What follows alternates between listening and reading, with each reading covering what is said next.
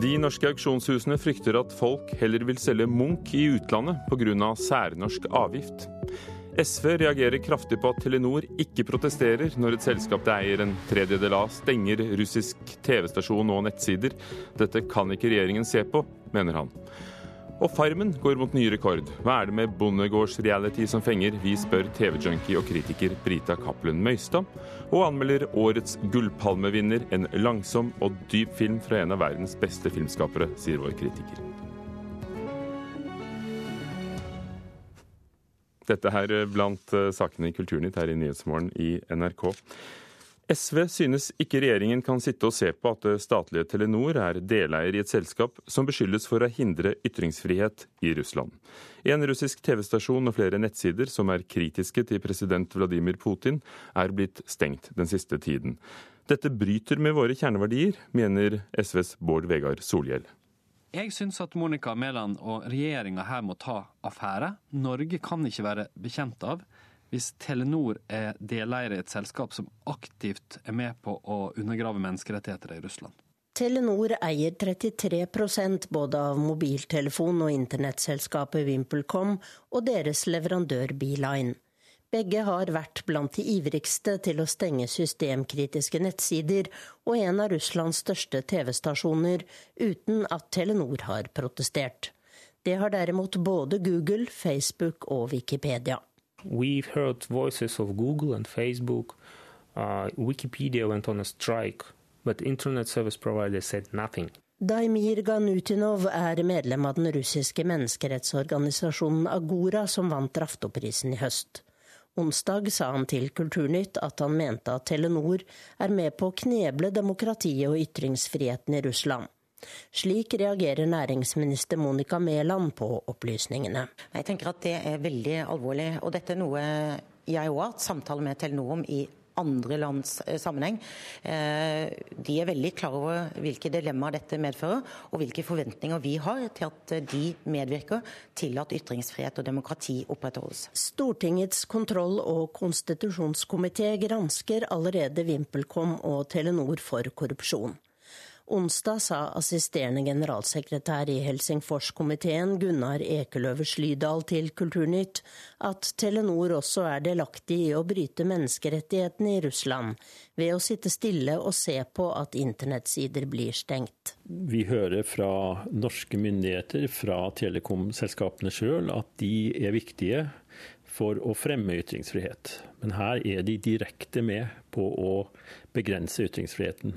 Ergo er de også med på å bryte menneskerettighetene. SVs Bård Vegar Solhjell synes regjeringen skyver hele ansvaret over på Telenor. Jeg syns Monica Mæland og regjeringa skal bruke sin eiermakt i Telenor til å gi beskjed om at de ikke aksepterer det. Vi er en stor deleier i selskapet eh, og må forvente å kunne ha innflytelse på om en, et selskap de har gått inn i, VimpelCom, bidrar til å bryte menneskerettigheter i Russland.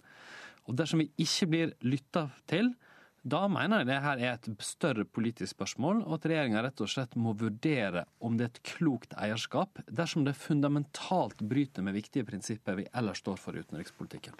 Og slik svarer næringsministeren på spørsmålet om hvordan det føles å tjene penger på et selskap som hindrer ytringsfrihet. Vi har mange selskaper som er plassert ute i verden, og som hver dag møter vanskelige dilemmaer. Det som er viktig, er at de forholder seg til våre regler, og våre retningslinjer, og at de bidrar til å bygge opp samfunn, bygge opp demokrati eh, og ytringsfrihet sa næringsminister Monica Mæland fra Høyre, og Telenor skrev altså i en e-post til Kulturnytt at selskapet har diskutert ytringsfrihet med VimpelCom ved flere anledninger. Reporter Tone Staude. NRK og A-media skal samarbeide ved neste års kommunevalg. Målet er å engasjere flere velgere gjennom å samarbeide om lokale tilstelninger som valgvaker, folkemøter og skolearrangementer. I beskjeden som er sendt ut til A-medias sjefer, går det også frem at det er økonomiske hensyn bak samarbeidet, skriver Dagens Næringsliv. Kan vi dele på praktiske utgifter, har vi mer igjen til innholdet vårt, heter det i meldingen. Nullmoms for nyhetsbaserte medier kan ryke når saken skal behandles i EFTAs overvåkningsorgan ESA. Det mener flere eksperter på medierett. Regjeringen ble enig med støttepartiene Venstre og Kristelig Folkeparti om å klarere både nullmoms og 8% moms med ESA.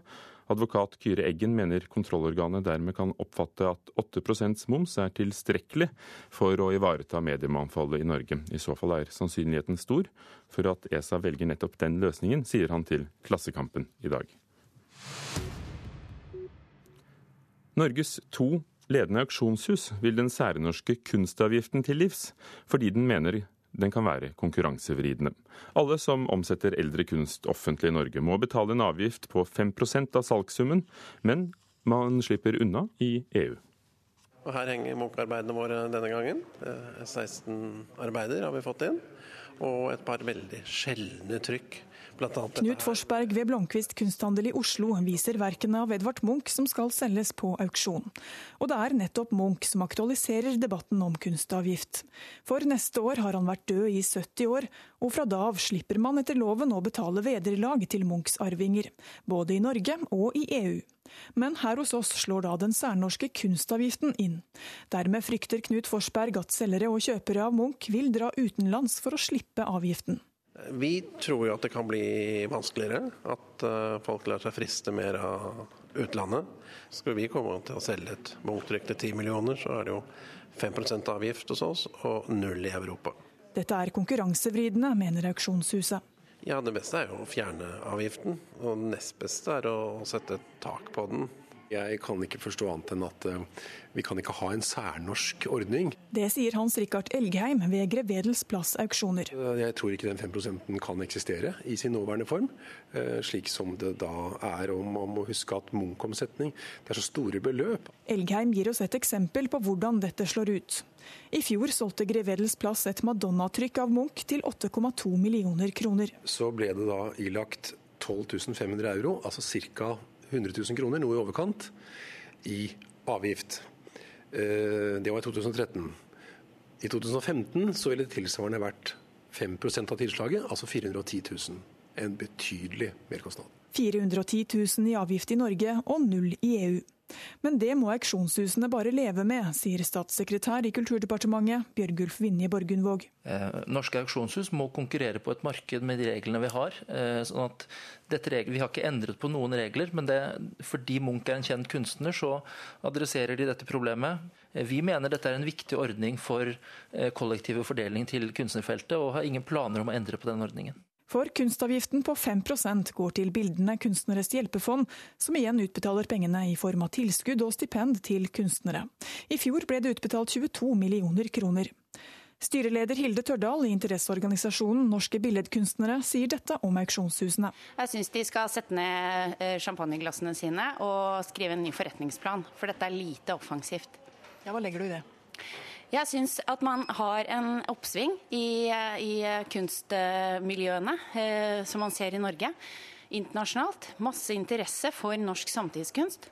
Og da mener jeg at eh, denne lille såkapitalen som eh, dette kunstsalget genererer eh, i stipend, det bør gå til kunstnerne. For det er en veldig viktig investering eh, i norske kunstnerskap som eh, ikke disse menneskene må få kloa i. Hva med de kunstnerne som nyter godt av Hjelpefondet? Ja, altså Det er ikke så veldig mye penger som kommer inn, så man kunne jo kanskje fått det øremerket et annet sted. da. Sa Knut Forsberg ved Blomkvist kunsthandel, reporter Une Marvik Hagen. Den som var raskest i hinderløypa og går rett til semifinalen, er Charlotte. Ja! Gratulerer, Charlotte! Du klarte det. Guri, så bra. Det går knapt en uke uten overskrifter om programmet Farmen på TV 2 eh, på forsiden av VG eller Dagbladet og andre aviser.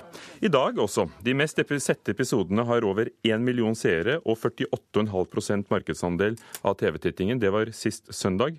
Reality-programmet der nordmenn skal drive bondegård slik det ble gjort for 100 år siden, slår an.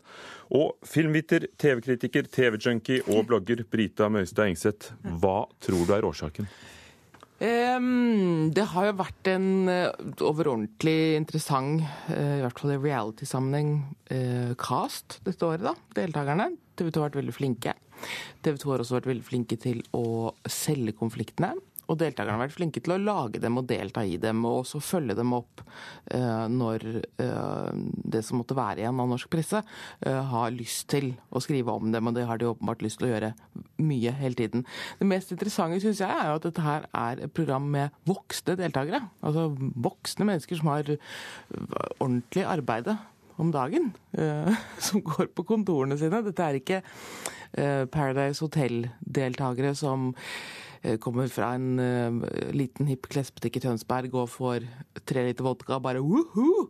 Dette er voksne folk som har uh, livserfaring, og som man tenker burde vite bedre, eller eventuelt ikke vite bedre, men i hvert fall vite noen ting om kutyme og hvordan man oppfører seg.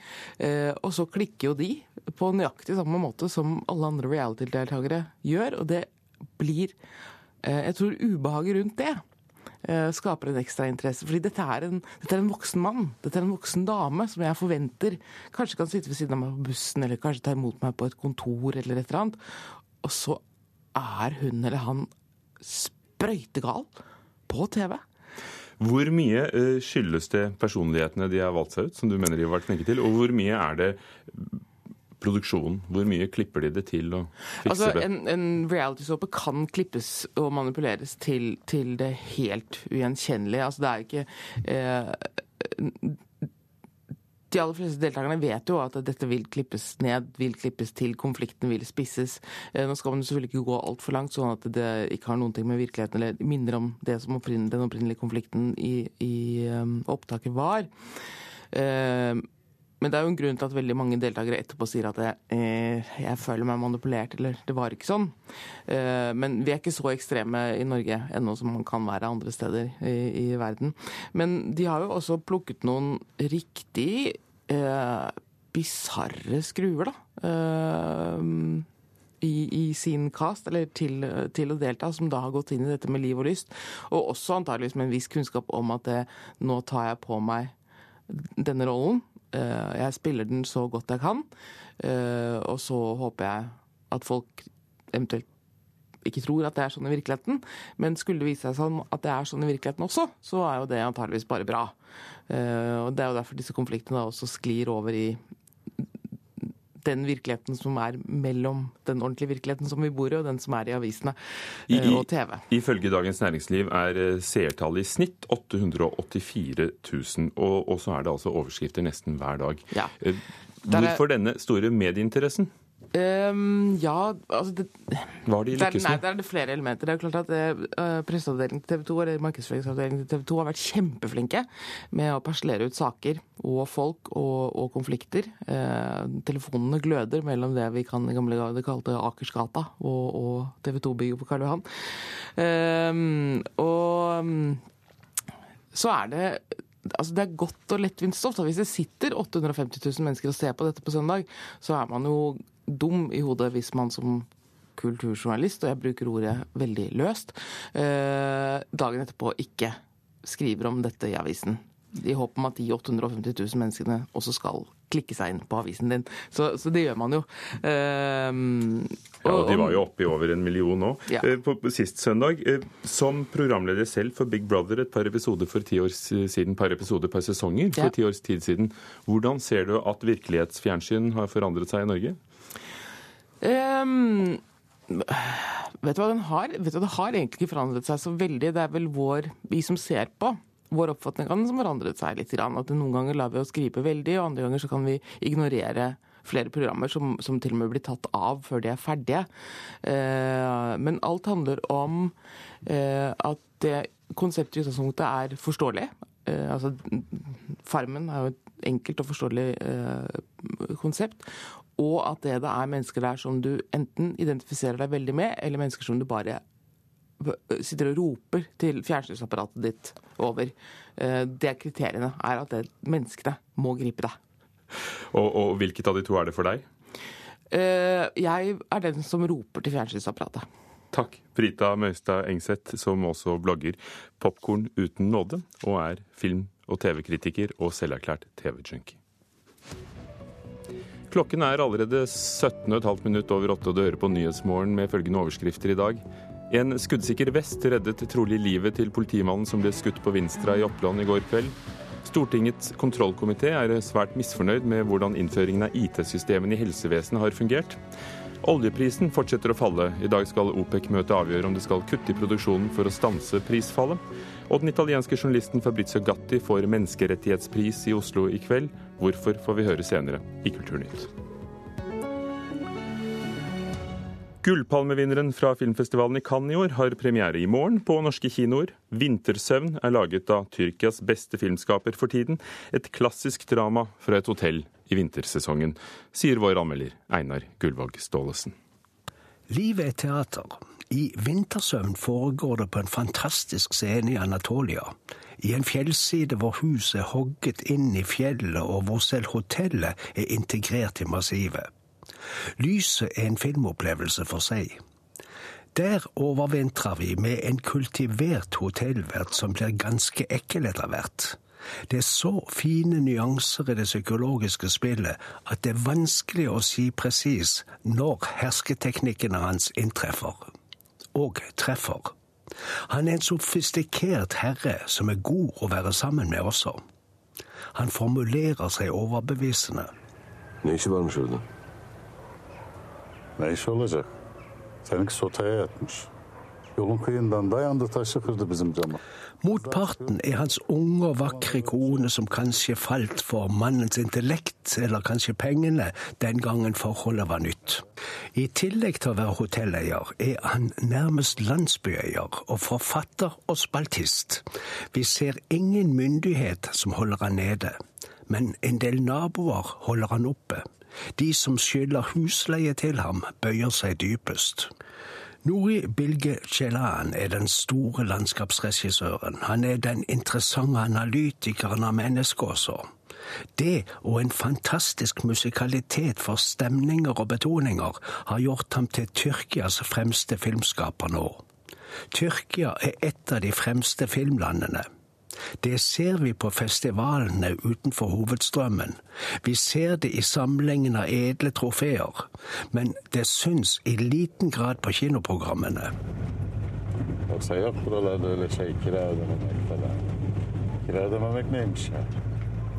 Allah. Ceylan og flere av hans kolleger er tro mot den typisk tyrkiske formen. De forteller langsomt, med rom for refleksjon. Vi har tid til å legge inn våre egne digresjoner.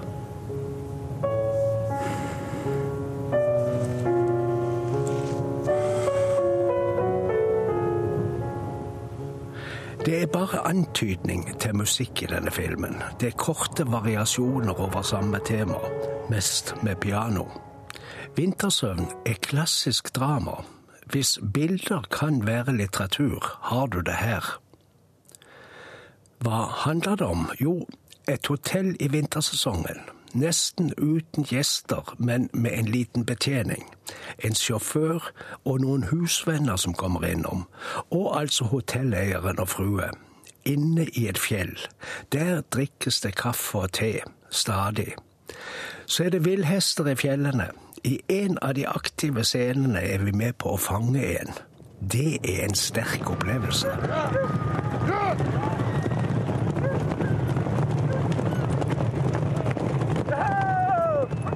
Resten er studier av mennesketyper.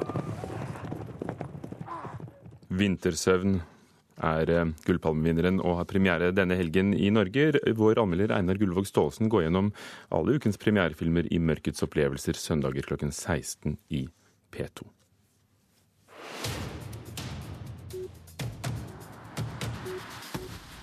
Den italienske journalisten Fabrizio Gatti har reist sammen med flyktninger gjennom Sahara, blitt reddet på sjøen, sittet i mottakssenter på øya Lampedusa i Italia. Han har jobbet undercover som tomatplukker i Sør-Italia, og avslørt moderne slavehandel. I dag får han Universitetet i Oslos menneskerettighetspris. Inga Bostad, direktør ved Norsk senter for menneskerettigheter og, og leder for priskomiteen. Hvorfor får Fabrizio Gatti en menneskerettighetspris? Jo, det får han for hans reportasjer og bøker om utnytt, utnytt, utnytting og utbytting av desperate migranters reise fra Afrika til Europa. Dette er universitetets pris. Som regel går den til noen som på en eller annen måte er tilknyttet et universitet, akademia. Hvorfor til en journalist som skriver altså nå i L'Espresso, som er en av Italias store nyhetsukeblader? Ja, vi har hatt en del diskusjoner rundt eh, denne prisdelingen. Og han eh, beveger seg vel kanskje litt i ytterkantene, hvis man ser på tidligere prisvinnere som har vært mer akademikere, tradisjonelle akademikere. Men samtidig så syns vi at uh, denne prisen den har jo en vid definisjon av hva menneskerettigheter er. Og han jobber jo med menneskerettigheter på sin måte. og han er opptatt av årsakene til migrasjon, de økonomiske, sosiale og humanitære årsakene. Og vi syns han gjennom sine bøker og reportasjer belyser så alvorlige spørsmål på en helt spesiell måte at vi syns han fortjener prisen. Boken hans, 'Bilal', med de papirløse til festningene i Europa, kom på norsk eh, i fjor. Og også gjennom reportasjene så har han gjort nettopp dette og gitt seg ut for å være en annen enn den han er, eh, for å få frem historiene. Eh, såkalt valraffing. Gammel journalistisk metode. Er det uproblematisk? Nei, denne metoden har jo vært omdiskutert. Og eh, vi er jo klar over at noen kanskje synes at eh, det er problematisk å, å ha falsk identitet. Men eh, samtidig så er det vel ingen tvil om at han avdekker så grove brudd på menneskerettigheter og klarer å belyse på en veldig spesiell måte uverdige forhold. Både hvordan det er å reise til Europa gjennom ørkenen eh, på eh, lastebiler eh, og bli utsatt for tortur underveis. Og det å komme om bord i en båt og være med over Middelhavet og kanskje ende opp i Lampedusa. At han gjør dette på en måte som, som til dels legitimerer, i hvert fall gjør at man kan forsvare de metodene. Og Hvordan ser Gatti på flyktningstrømmen til Europa som et menneskerettighetsproblem? Ja, Han sier at eh, jeg tar ikke noe politisk stilling, sier Gatti. Jeg, tar bare, jeg er bare på én side, og det er på menneskerettighetenes side. Så han eh, prøver jo å se dette i en litt større sammenheng. Eh, før, så sier han, så reiste veldig mange pga. økonomiske problemer. Nå er det i økende grad krig og uro eh, som gjør at folk reiser. Og jeg tror man etter hvert vil se mer og mer klimaendringer som gjør at store folkevandringer beveger seg oppover mot nord. Mm. Og han forsøker å ved å da reise sammen med disse, som valraffing, som du sier, så, så, får vi også et helt spesielt innblikk i hvordan enkeltskjebnene er. Og det er ganske avskrekkende å, å lese. Hvordan arbeider dere ved Norsk senter for menneskerettigheter med disse problemstillingene? Ja, det, Vi jobber jo med forskning formidling, men også med aktiviteter i andre land. Spesielt i Kina, Indonesia og Vietnam har vi internasjonale programmer. Og når det gjelder migrasjon, så jobber vi spesielt i, i Kina og deler eh, av Nord-Kina, hvor det også er eh, store utfordringer for eh, menneskegrupper som må flytte pga. f.eks. bygging av store damanlegg osv. Er det viktig for dere at eh, Gatti som journalist når ut kanskje til langt flere lesere og folk enn eh, en akademiker? Ja, det er det. Og jeg tenker at uh, han er, uh, hans bøker er som gode kunstverk. Altså, de er, uh, de er nytelsesverdige, men samtidig er det også vonde å lese. Og vi håper at han når ut til et stort publikum. Takk. Inga Bostad, direktør ved Norsk senter for menneskerettigheter. Fabrizio Gatti får Universitetet i Oslos menneskerettighetspris i dag. Nordnorsk Opera- og Symfoniorkester avslutter orkesterstafetten Ja, vi elsker, en del av grunnlovsjubileet. Det skjer i Stormen konserthus i Bodø ved at de to ensemblene, som til sammen eh, utgjør symfoniorkesteret, skal fremføre hver sine verk av bare norske komponister.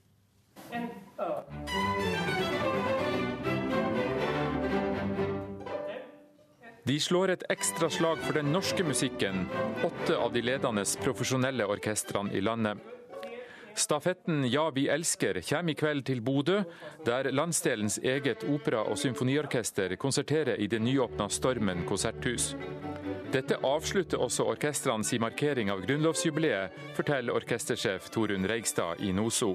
Nei, Ja, vi elsker er jo eh, et samarbeid mellom orkestrene i Norge for å sette fokus på norsk musikk. Så vi har jo selvfølgelig da valgt ut eh, litt ulik norsk musikk. Både litt nyere og litt eldre, som eh, blir vårt bidrag. Og det er jo musikk som er skrevet til vår besetning, som er strykebesetning.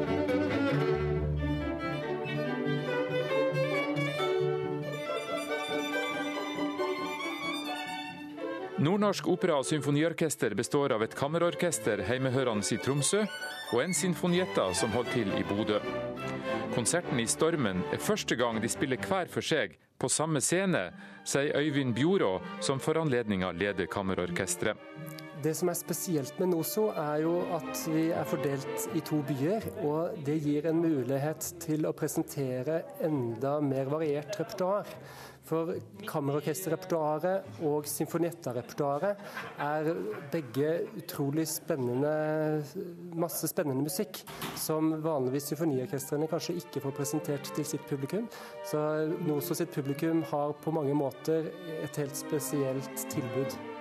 Men eh, det handler også litt om eh, åpninga av stormen og den fasen vi er inne i der. At eh, vi har åpna med symfoniorkester, og nå har vi lyst til å gjøre det med ensemble. På kveldens repertoar presenterer Sinfonietaen musikk av Ørjan Matre og Rolf Wallin, mens Kammerorkesteret avslutter det hele med Holbergsuiten av Edvard Grieg. Det finnes ikke et bedre verk å avslutte Ja, vi elsker-stafetten med enn det verket. Det er kanskje det mest kjente som er skrevet av en norsk komponist for et orkester. Og eh, det er en veldig verdig avslutning. og jeg tør røpe at notene er borte for anledningen. Så hvis noen vil se et orkester spille utenat, så må de komme og høre denne konserten. Og det er ikke ofte du får anledning til det. Jeg ser på deg at du gleder deg. Jeg gleder meg veldig.